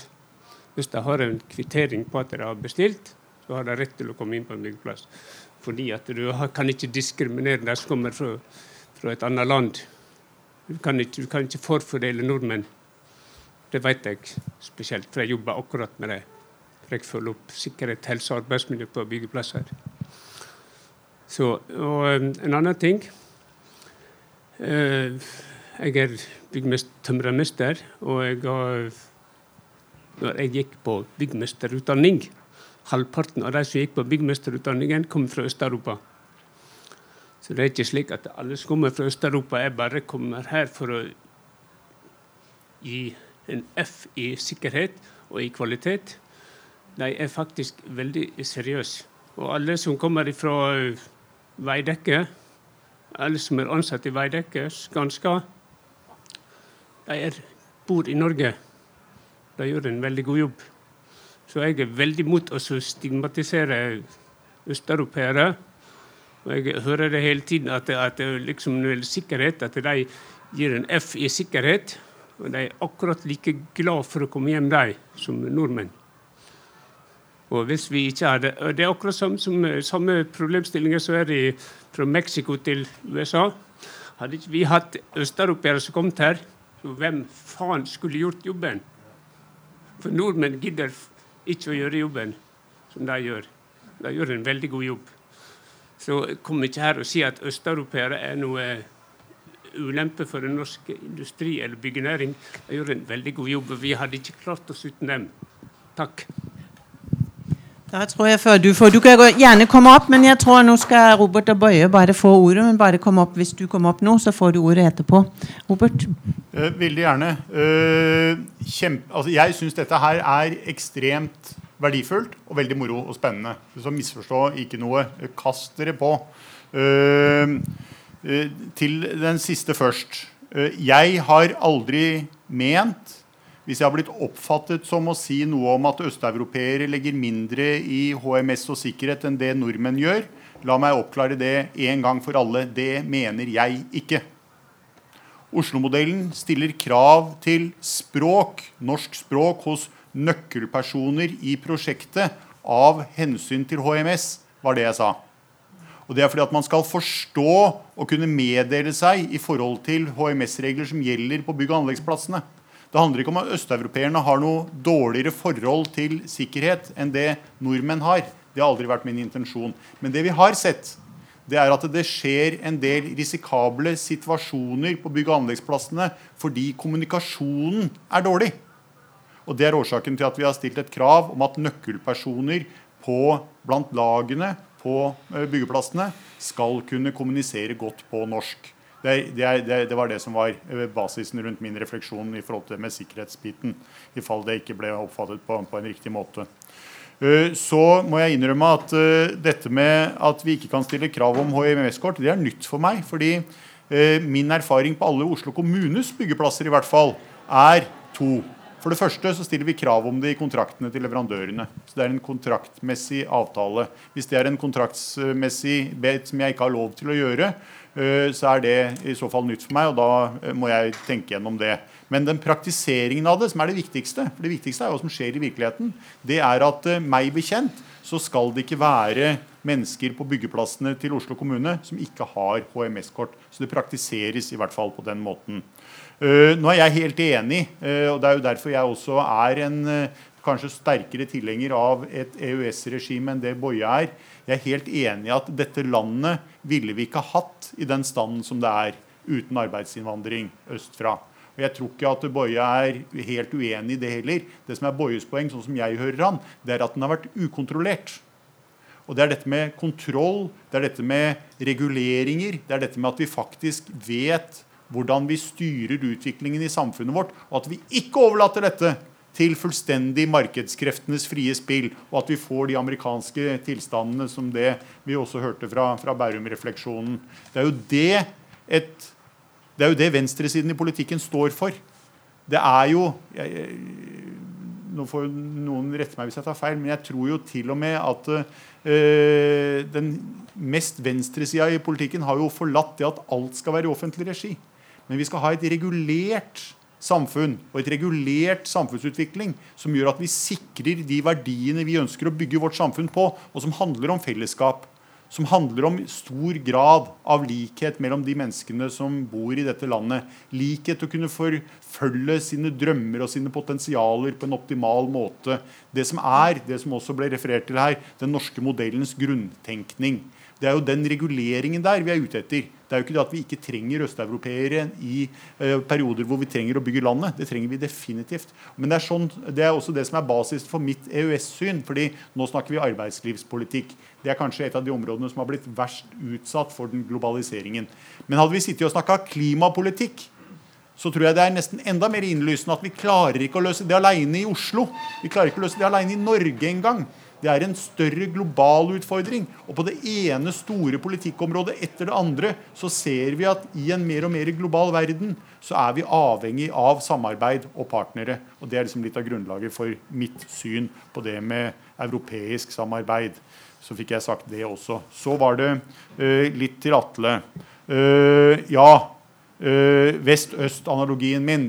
kraften produseres i vest og brukes i øst. Eh, jeg vil ikke si at eh, det var en forsnakkelse, eh, men jeg er nok litt skada at jeg jobba 15 år i et selskap som eier VG. Så jeg vil si at det var nok en tabloid fremstilling av hvordan kraftproduksjon eh, og konsumsjon i Norge er. Det skal jeg ta til meg. Og så var jeg litt uheldig at det var en vestlending i salen, da. men sånn, det må jeg ta risikoen på. Helt enig med Atle i forhold til det med Oslo-modellen. er noe helt annet enn den norske modellen. Det var jeg litt inne på også. Uh, og det er de amerikanske tilstandene som vi må uh, prøve å unngå. Uh, særlig i forhold til dette med bemanningsbyråer, dette med løsarbeidersamfunnet osv. Fordi vi er et bitte, bitte lite land. 5,5 millioner innbyggere. Vi befinner oss geografisk veldig nær Nordpolen. Årsaken til at vi er et fantastisk land, det er samholdet vårt. Hvis samholdet vårt går i stykker, så vil hele grunnlaget for å leve lykkelige, gode liv her oppe i nord gå bort. Det er jeg helt overbevist om. Og det er det som vi egentlig står i kampen for. Og så til utfordringen. Hva gjør jeg i forhold til Jonas Gahr Støre, som ikke vil ha noe forbud mot bemanningsbyråene? Jeg satt i det arbeidslivsutvalget. Vi var ti stykker som satt i det arbeidslivsutvalget. En av anbefalingene fra arbeidslivsutvalget i forhold til kommunevalgkampen som vi nå skal inn i, er at alle norske kommuner som har en Arbeiderparti-ordfører, et Arbeiderparti-flertall, skal innføre Oslo-modellen. Oslo-modellen har forbud mot bemanningsbyråene. Så det er i hvert fall en del jeg har gjort allerede. da. Og så skal jeg ta det opp med han igjen når jeg treffer han igjen på landsmøtet om 14 dager. Det kan jeg love. Det var vel hovedelementene. Fint hvis du presenterer deg, og så ja, Hallo, folkens, og takk for seinast, Robert. Jeg heter Lars Mammen. Fikk, du kontakten, Lars? Ja, ja, takk. Jeg lovte deg noe, vet du, så jeg kan ikke komme hit og ikke ha levert på det jeg lovte. Du greide den. Ja. Takk. Jeg heter Lars Mammen. Jeg er eh, tømrer av yrke, og jeg er eh, nå eh, skifta litt beite og er blitt prosjektleder for et prosjekt som heter Fair Play Bygg Oslo. Som handler om å gjenetablere ordentlige forhold i byggebransjen og prøve å fjerne og, sosial dumping og fjerne de kriminelle bakmennene som driver inn i dette markedet i byggebransjen. All ære til Oslo kommune, som har innført den nå, til nå mest ambisiøse modellen for å bøte på dette. Men modellen er jo ikke sterkere enn den blir kontrollert til. Det vil si at de kontrollene Oslo kommune sjøl gjør, de holder ikke alltid eh, eh vann. De avdekker ikke de faktiske forholdene. Kontrollørene går rundt, og så får de et papir, så tror de alt som står på et papir, er sant. Sånn er det jo ikke. De nettverka her de greier å skrive en falsk timeliste, de greier å skrive en falsk kontrakt, og det er ikke alltid det som står på papiret som stemmer med det sånn som det utføres i virkeligheten. Så du må ha en annen type kontroll for å avdekke det her, og da må du komme i et tillitsforhold til arbeidstakerne. Du må prate med dem. Du må tilby dem noe, og du må få utveksla de informasjonene de har om åssen forholdet egentlig er. og Da kan du finne ut om Oslo-modellen fungerer. Og det gjør den ikke. Vi har funnet en del avvik, og de har vi overlevert til Oslo kommune. Og det er jo særlig kanskje på det som Boje tok opp med de her mindre rammeavtalene. Der er det store avvik. I tillegg så er det jo sånn at uh, bemanningsbransjen er jo stort inne i Oslo-modellen, sjøl om det er et generelt forbud, men det blir jo gitt dispensasjoner. Bemanningsbransjen er jo en uh, negativ bransje, det vil jeg si. Jeg skal, altså, Boje får ta seg av det å slåss for et forbud, det skal ikke jeg gjøre i min rolle. Men det er få bemanningsselskaper i Oslo kommune og i byggebransjen som greier å etterleve lova. Der blir det stort brudd på likebehandling, lønner, arbeidstid. Folk blir trukket i lønn uregelmessig. Folk må betale for arbeidsklær, verneutstyr osv. Her er det store avvik. Og de folka er inne og leverer til Oslo kommune. Sånn er det. Pga. dispensasjoner. Jeg hadde også veldig sans for eh, innlegget fra vaktmesteren her om, eh, om vaskebransjen. Eh, det er en bransje som er nært knytta til byggbransjen. Vi har også levert en god del tips på avvik i vaskebransjen. Og der er det nettverk som, med bakmenn som driver både innen vask, byggvask, trappvask for bygårder og innen bygg. Og det er samme folka som blir brukt. Det er, Vaskebransjen i Oslo er like møkkete som byggbransjen. Eh, der må du også gjøre krafttak for å, å, rydde opp i den bransjen. og det er sånn at De kriminelle folka, hvis de blir jaga ut av Oslo, av byggebransjen i Oslo, så finner de seg andre markeder. og Da går de over i, i vask, i, kanskje i barnevern og andre steder hvor det er profitt å hente og lite risiko. Takk Nå må vi ned på det konkrete. Nå er det Oslo-modellen. Altså Jeg har vært på fire plasser da, som er Oslo-modellen. Så jeg var oppå Bjerke på Årvoll, og det er Hent som er eh, hovedentreprenøren. Hent er en entreprenør som er fra Trondheim, eh, Trøndelag. De har mye flere egne ansatte der. De hadde 25 mann i 2007 når de bygde kjerke opp på, på, Bøler. og Så sa de opp til 20 folka, så var det fem stykker igjen. Og Så var det Oslo-modellen som kom, og så måtte de ansette 25 stykker igjen. Det var for, for, for, så vidt de som kom fra Peab, som hadde fått sparken. Men de stanser der. Eller der går for sakte. Hent er kjempesvære. Det er de som er Munken. Men de har også Hent har oppå på Årvoll, på det der, eh, hvor det var riving og skal lage nytt bad. Og da møter jeg to, fra, to stykker fra Rivtek og så er det to stykker som er leid inn fra Stolt bemanning. Og dette her er russiske moldovere. Og jeg er så nysgjerrig. Jeg spør åssen greier dere å komme? Nei, de drar til Bucuresti og får EU-pass.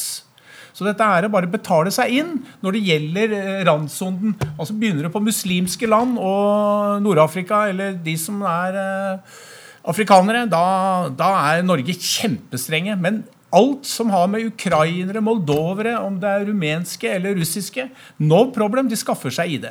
Ikke noe problem. Og, øh, så det var Rivtek som leide inn fra Stolt bemanning. Har ikke lov. Rivtek har ikke tariffavtale.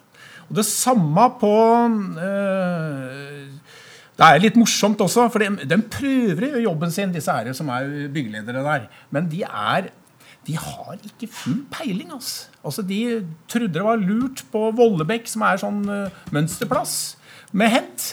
Og da tar de uh, Hent, eller byggelederen der, leier inn direkte fra bemanningsselskapene istedenfor at de som har oppdraget, leier inn. Men i praksis betyr det samme. Men han tror det at det er helt greit. for det er, uh, og da sier jeg til ham er det noen protokoller på dette. her? Er det det, ja? Nei, da må jeg lese opp 1412 punkt 2 og tariffavtalene og Oslo-modellen. Han trodde at dette er kjempestrengt. Så drar jeg på neste plass. Jeg må jo, måtte jo innom et par plasser før jeg skulle møte og se kart og terreng. da, vet du. Nå skal jeg ikke bare dra fram uh, dritten her, men det er eksempler. Eide entreprenør har barnehageoppdrag. De har ikke tariffavtale, har 17 tømmere. Og så sa han som satt der Det er så strengt nå! Å, fytte rakkeren, en praksisplasselev. Det måtte godkjennes toppen av rådhuset. Men hva gjorde han da? Altså, det var en lærling som så vidt hadde vært innom. De hadde én lærling. Eh, han var ikke der da jeg var der. Og så hadde de leid inn én fra Jobson og to fra Hire. Vi har ikke lov til å leie inn. Det er strid med loven. Det er lovbrudd. Så det er kart og terreng. Også første del selvsagt på Oslo-modellen er utrolig viktig.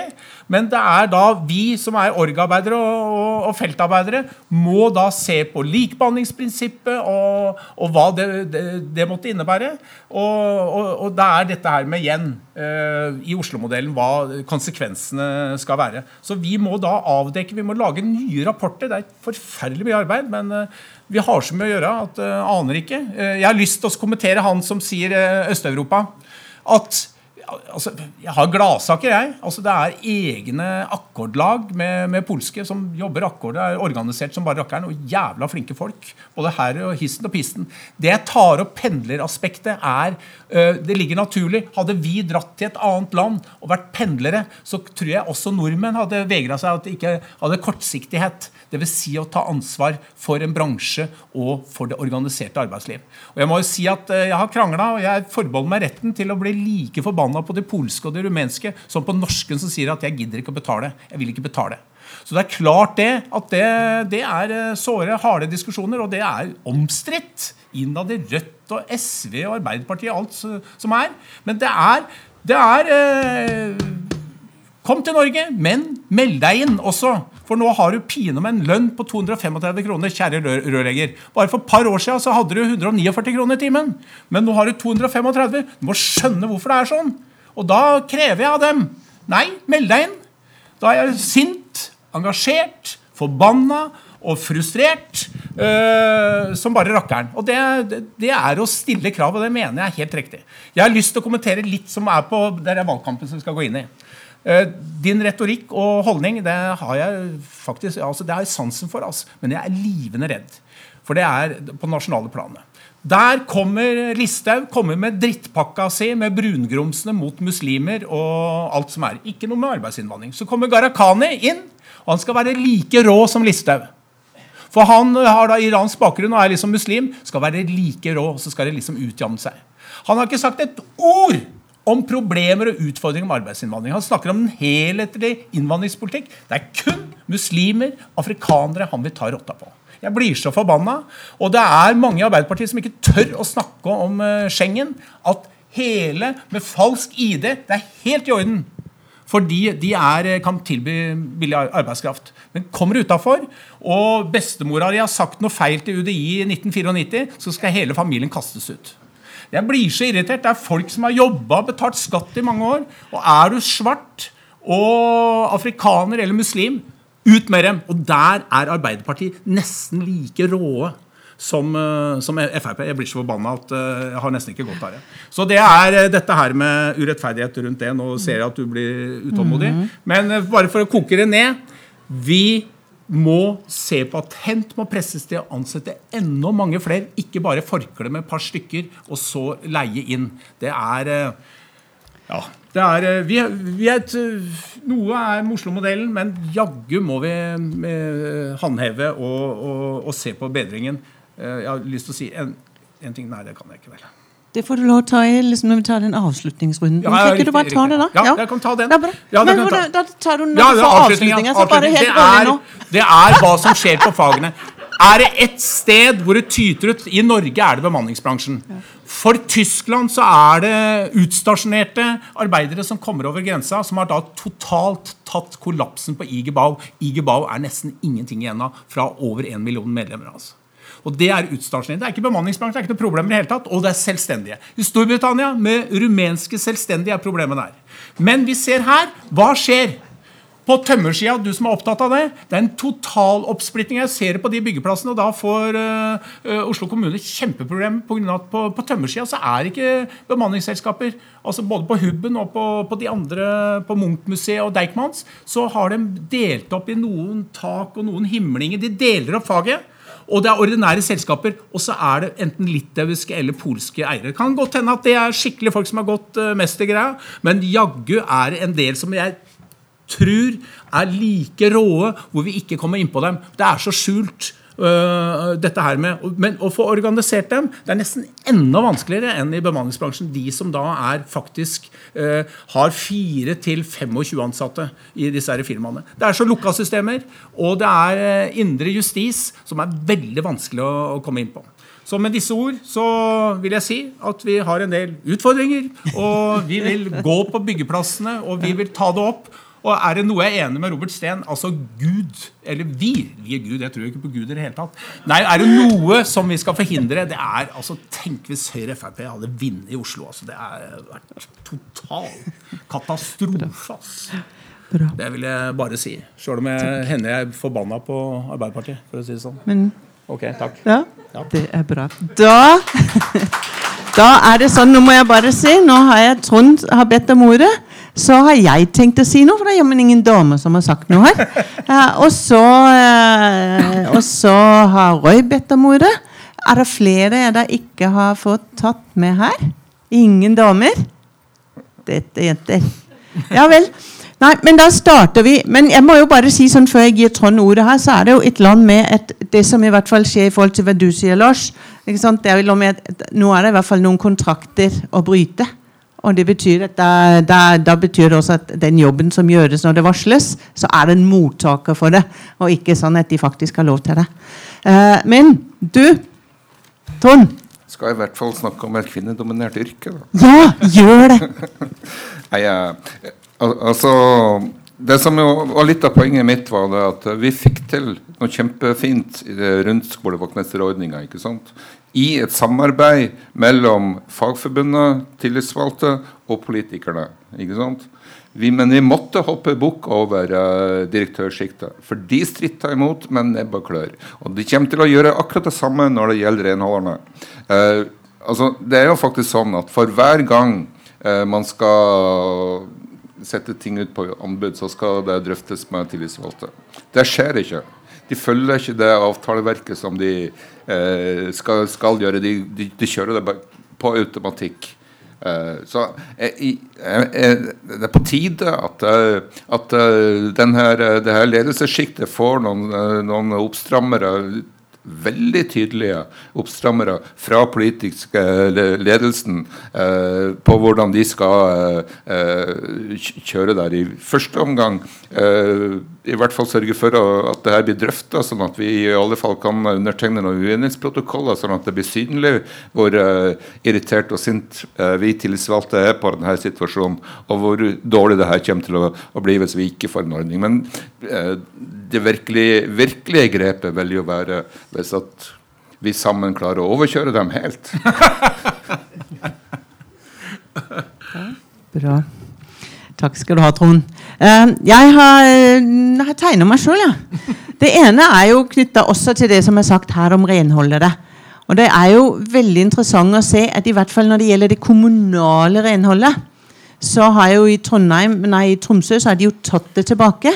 De har lagt det inn under eiendomsavdelingen, så kaller de det første linje vedlikehold. Og de har regna ut at selv om de kjøpte seg ut av en kontrakt som de blå-blå har lagd i Tromsø i, uh, før valgkampen sist, som da var på 1,5 eller 1,4 millioner, så har de regna nå at det førstelinje vedlikehold og det bedre arbeidsmiljøet, det regner de med at de har spart ca. 7 millioner på på disse tre årene. Og da tenker jeg det er gode grunner for å si at i hvert fall det kommunale renholdet og våre egne, som du sier, Trond, at, eh, at det faktisk er noe vi skal gå videre med. Og så er det hele den bransjen selvfølgelig som, eh, som ligger her. Eh, Men så har jeg et konkret spørsmål, for det første var jo bare en oppfordring. det er Robert. Eh, Men det andre er jo at vi har det som de kaller fritt behandlingsvalg innenfor omsorgssektoren i Oslo. Eh, Og det ligger en del vikarer inne også i dette her.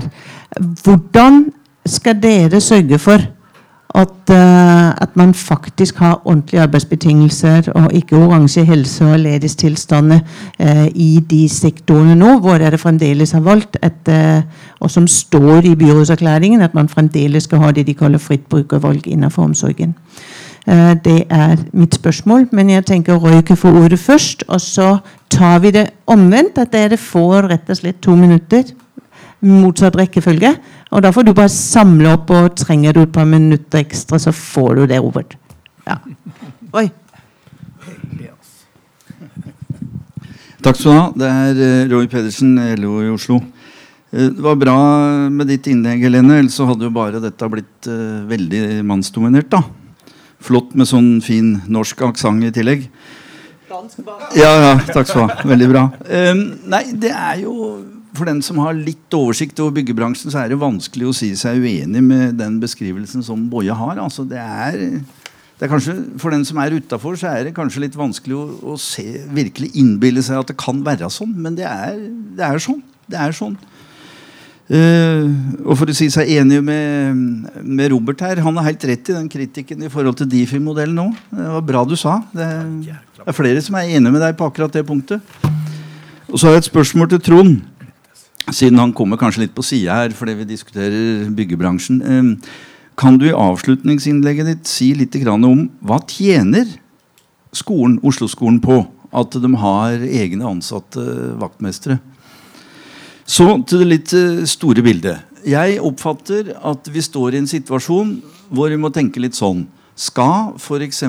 Oslo kommune ha et politisk styre som er sånn at man ønsker å dra i en retning hvor det er spørsmål om å gjenetablere og til dels styrke fellesskapsordninger, altså et rød-grønt eh, prosjekt, eller skal man gå tilbake til et enda mer ekstremt markedsliberalt prosjekt med mer altså løsarbeid enn det vi allerede har, med mer eh, utsetting, med mer konkurranse arbeidsfolk imellom.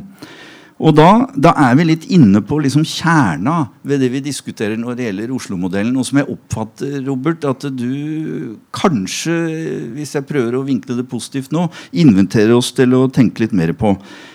Eh, hvis vi tar utgangspunkt i det som Boje sier, så er det jo sånn at hovedproblemet som vi står oppe i når vi snakker om organisering av arbeidslivet, er bemanningsbransjen. Det er bemanningsbransjen som er en kjempeutfordring. Og så sier du, oppfatter jeg, eh, Robert, at ja, det er et poeng for oss å holde bemanningsbransjen ute fra byggeplasser i Oslo kommune. Jeg oppfatter at det du sier. Du nevnte et tall om at det allerede var, etter din mening, var det 90 eh, egne ansatte. Og, og da er egentlig mitt hovedspørsmål, for jeg tror jeg er veldig enig i den målsettinga Hvis det nå viser seg, etter at Boje har vært på byggeplasser, og, og Mamen har vært der, og andre har vært der, at nei, virkeligheten på bakken er faktisk litt annerledes. Det er ikke sånn at uh, bemanningsbransjen er ute. Er du da villig til å innføre tøffere tak og stå ved det du sier, at det man ønsker i Oslo kommune, er de facto et forbud mot bemanningsbransjen? Takk skal du ha, Roy. Og da går vi i motsatt retning her. Da starter du, Trond, så blir det Boje, og så får Robert Steen ordet til slutt. Ja. Nå er det jo selvfølgelig sånn at, uh, at uh, det man tjener, det er jo vanskelig å sette en pris på. Uh, fordi at noe, noe, av det beste med å ha en egen vaktmester er selvfølgelig det at du har uh, utvikla et godt forhold til ungene. Bare det i seg sjøl reduserer hærverket. At, at barna oppfører seg bedre i, i, i hverdagen sin og knuser færre ruter. og og ja, rive og røske mindre i, i men, men, men, sånn at det, det går det jo ikke an å sette noen pris på. Og så er det det som også er vanskelig å sette en pris på. Det som er viktig i forhold til drifting av bygg, er jo det at bygg har endra seg noe kolossalt de siste 20 åra. Altså på min skole så er det tekniske duppedingser eh, overalt eh, som måler luft kvalitet og varme og, og styring og alt, alt mulig. Eh, det å kunne ha den oversikten over alt det tekniske som er på en skole, det krever tid å lære seg. Antagelig flere år. Eh, og så skal det her på anbud hvert fjerde år. Du har kanskje hatt en vaktmester der i fire år da, som du har kjøpt inn, og så skal nestemann begynne helt på scratch fordi at du, du, må ha inn et nytt firma. Sånn at, uh, at uh, Det sier seg sjøl at, at å undervurdere kompetansen som er nødvendig for å drifte en skole, det, det er jo det som skjer hvis at du setter her ut på anbud regelmessig. Og det, I utgangspunktet nå så er det jo ikke sånn at uh, noen egentlig har tatt høyde for det komplekse som, som, som, som, skjer med bygg. Altså, vi har prøvd å få igjennom et slag for et byggdriftefag.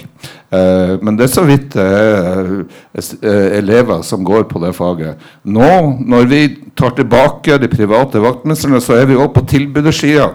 Og, og, og fått, fått, gjennomslag for at, eh, at, eh, alle de som kommer som ønsker det, skal kunne ta eh, byggdriftefaget. Sånn at man hever og løfter det faglige nivået på, på vaktmesterne. Så er det selvfølgelig menneskelige aspekter som gjør det at uh, Jeg tenker jo det at uh, når noen får et godt forhold til praktikeren på en skole, ikke sant, så kan det jo hende at vi òg får en generasjon etter hvert som syns det er gøy å, å gå ut i å ta fagbrev og gå, ta yrkesfag og, og utvikle seg til ja, altså ta, ta, ta, ta faget altså andre typer drift uh, byggefag på alvor og, og, og gå yrkesskole i stedet for å skippe ut av skolen i veldig tidlig alder og ikke fullføre. Ikke sant? Sånn at den samfunnsmessige gevinsten er egentlig antagelig kolossal og ikke kan måles. Men du, du må bare forstå eh, sammenhengene av menneskelige relasjoner, samfunnsmessige relasjoner. Takk skal du ha, Trond. Jeg har selv hatt to døtre som har skolestreika for at ikke vaktmesteren skulle sies opp. Boje? Ja. Eh, morsomt med Robert eh, Steen, som da kritiserer Fellesforbundet. Det pirrer min råtne sjel, for det var oppe på konferanse her. Han stotra litt, uh, han ansvarlig som jeg ikke skal si navnet på, som heter Per Skau, uh, i, forbundet, hvor, uh, hvor han har fått masse kritikk. Men jeg har ikke nevnt navnet hans i det hele tatt. Men, men det er viktig korreksjon, altså, for da begynner man å gå vekk fra Oslo-modellen og bare ufarliggjøre Oslo-modellen. Men hvis det er noe mål, bare for å ta den viktige som har en kvinneside, men selvsagt gjelder menn òg, men i hovedsak kvinner, det er offentlig pensjon med offentlig oppdrag. Hvis vi kan kreve det, det er ILO 94 og ikke den som eh, den rød-grønne hadde som viktig mål. Så er det OTP, altså obligatorisk tjenestepensjon, for der går an å få sjekka det med kreditt Finanstilsynet, jeg må diskutere med Roger altså hvordan vi skal diskutere hvordan OTP For der lurer de der eh, med, Det er mange som lurer unna OTP-en, ikke minst i, i, bemanningsbransjen, men også de ordinære selskapene nå som ø, tyter ut. Nå, hvis du strammer inn på bemanningsbransjen, så vil det være ordinære selskaper som har den samme ukulturen. Uh, bare for å ha sagt det.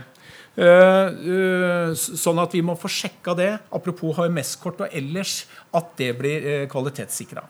Og det er liksom, Jeg kunne godt tenkt meg, ideelt sett, for nå er det for seint, for det er, det, prosjektet er ferdig. Rørteft hadde på en barnehage, som var Oslo-modellen, hadde innleide to kontraktører. Og Da kunne jeg tenkt meg en sånn politi i Oslo kommune som sier at ansett de to, eller så mister dere oppdrag. Altså ansett dem. Og det samme med bemanningsbransjen. At man får tvunget det. For da kan firmaene begynne også å ta ansvar, sånn som de gjorde i gamle dager, med å ha egne leiligheter og eget hus. Eh, for eh, eh, de som er fra Øst-Europa, for å ansette folk fast. Og Da kommer de inn i tariffsystemene. Og igjen, for å gjenta det viktigste kravet tenker jeg, i Oslo-modellen, i tillegg til det jeg har nevnt her, det er kravet om tariffavtale ved offentlige oppdrag. Da skal jeg se at det begynner å, å, å svinge.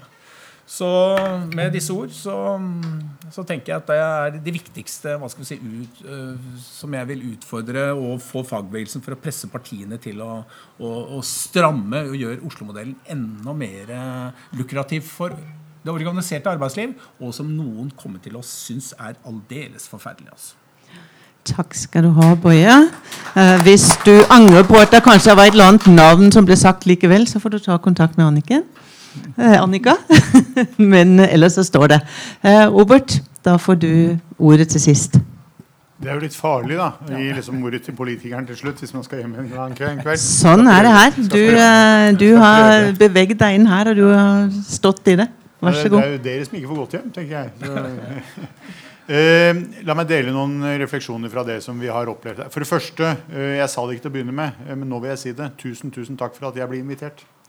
Uh, for jeg mener faktisk det jeg sa i stad. Dette her er ekstremt viktig for meg. Det er viktig for dere. Uh, så jeg håper jo at jeg blir invitert igjen. At jeg ikke har driti meg ut så jævlig at jeg ikke får lov til å få en ny invitasjon. Koketteri. Ja. Uh, men, men, vi må jo tillate oss noe, Boje. Du er ikke borte, du heller, fra tid til annen. og så la meg si Norsk arbeidsliv trenger Boje. Trenger Lars. Trenger Trond. Uansett hvor gode systemer vi kan lage, så vil det alltid være noen som klarer å snike seg unna. Derfor så trenger vi de som både engasjerer seg, brenner for og ønsker å gjøre en innsats og en forskjell. Den, det behovet kommer aldri, aldri til å bli borte. Men hvis de menneskene blir borte, da er vi Får jeg si fucked? Eller er det, ja, det er greit innenfor disse regler? Ja. Ja. Si fra til Annika hvis, du, hvis du angrer på det. Og Det bringer meg til det andre, fordi jeg er veldig glad for at du tar den utfordringen såpass sporty som det du gjør, Boje. Jeg ble engstelig når jeg så hva Fellesforbundet hadde gjort i denne bykommunen i Østfold sammen med Difi og KS. De løper høyresidas ærend. Jeg tror regjeringsmedlemmene er såpass oppegående at de veit at hvis de klarer å få pakka inn sin modell med Oslo-modellens branding og komme unna med det, så har de tatt bort kravet om faste ansettelser. De har tatt bort kravet om uh, lønn mellom arbeid. Dermed så understøtter de hele bemanningsinstituttet uh, og løsarbeidersamfunnet. Og de tar bort kravet om kontroll, fordi det er ikke så farlig. Og da har du egentlig ødelagt fra innsida det som vi har prøvd å bygge opp med Oslo-modellen i vår lille kommune her i Oslo. For Vi må huske på at det vi gjør i Oslo, klarer vi å få til når vi er kommunepolitikere. Derfor er det en del ting på statlig nivå som ikke jeg klarer å i hvert fall sjekke ut umiddelbart. Men det vi ser konturene av, og det er jo det spennende, det er at Oslo er en elefant på godt og vondt. Det vonde er jo at det er en kjempeutfordring. Jeg fikk noen tall her eh, tidligere i uka som viste at eh, i løpet av 2018 så hadde det vært 18 500 arbeidere inne på bygg- og anleggsplassene til Oslo kommune i løpet av 2018. 18 500 stykker. Hver dag så er det 2400. Det er klart du finner enkelteksempler i en sånn masse hvor de ikke faktisk følger reglene våre. Si ifra til oss, så skal jeg gjøre de sanksjonene som dere er ute etter. Hvis vi har enten på bygg- og anleggsplassene eller i helsesektoren, selskaper som ikke følger reglene, så skal jeg love dere at det skal sanksjoneres. Men jeg må få vite om det. Og Det er derfor jeg sier at det er viktig å ha Boje og Lars og Trond og dere som sier ifra. Fordi det er ikke alt som klarer å fanges opp av mitt system. Og det er ikke i og for seg mitt system alt sammen heller. Noe er jo til og med arva av et høyrebyråd som holdt på i 18 år. Så dere må forstå den dynamikken. Vi klarer ikke å løse og spise den elefanten sånn på veldig kort sikt, men vi klarer å gjøre det på langen, bit for bit. Og da kommer vi til det gode med å ha en elefant. Og det er at den elefanten den skal vi kunne bruke til å brekke opp Bærum og Tromsø og Bergen og Hordaland og Nordland og Sør-Trøndelag og Trondheim og Kristiansand, kanskje til og med Stavanger til slutt, skal vi klare å få den elefanten til å legge seg over. Og da har Oslo-modellen etter hvert begynt å bli stat. Og det er jo dit vi må. For ellers er det som, som Boje er inne på også. Blir du i og for seg sperra ute ett sted, så går du over et annet sted. Og hvis den sektoren er åpen, f.eks. du går fra bygg til renhold, så gjør du jo det. Og når du stenger byen, så går du til neste kommune. Det er ikke så jævla langt. Det tar ti minutter med toget til Lillestrøm. Sånn at Det er jo det som må være ambisjonen vår, at vi skal bruke den makta vi nå har i denne svære kommunen Oslo, til å gjøre noe også på nasjonal basis. Og Det er liksom litt av derfor eh, jeg er helt enig med Boje. Dette valget her blir kanskje viktigere enn det vi noen ganger tenker på. Viktigere enn kanskje noen andre valg som vi har vært med på på lokalnivå tidligere. Og Det er i den sammenhengen vi må se disse tingene. Så hadde jeg veldig sansen fordi at jeg er også bekymra over organisasjonsprosenten i Norge. Og jeg syns det er kreativt det som kom opp her med et forslag om ansett urokråkene.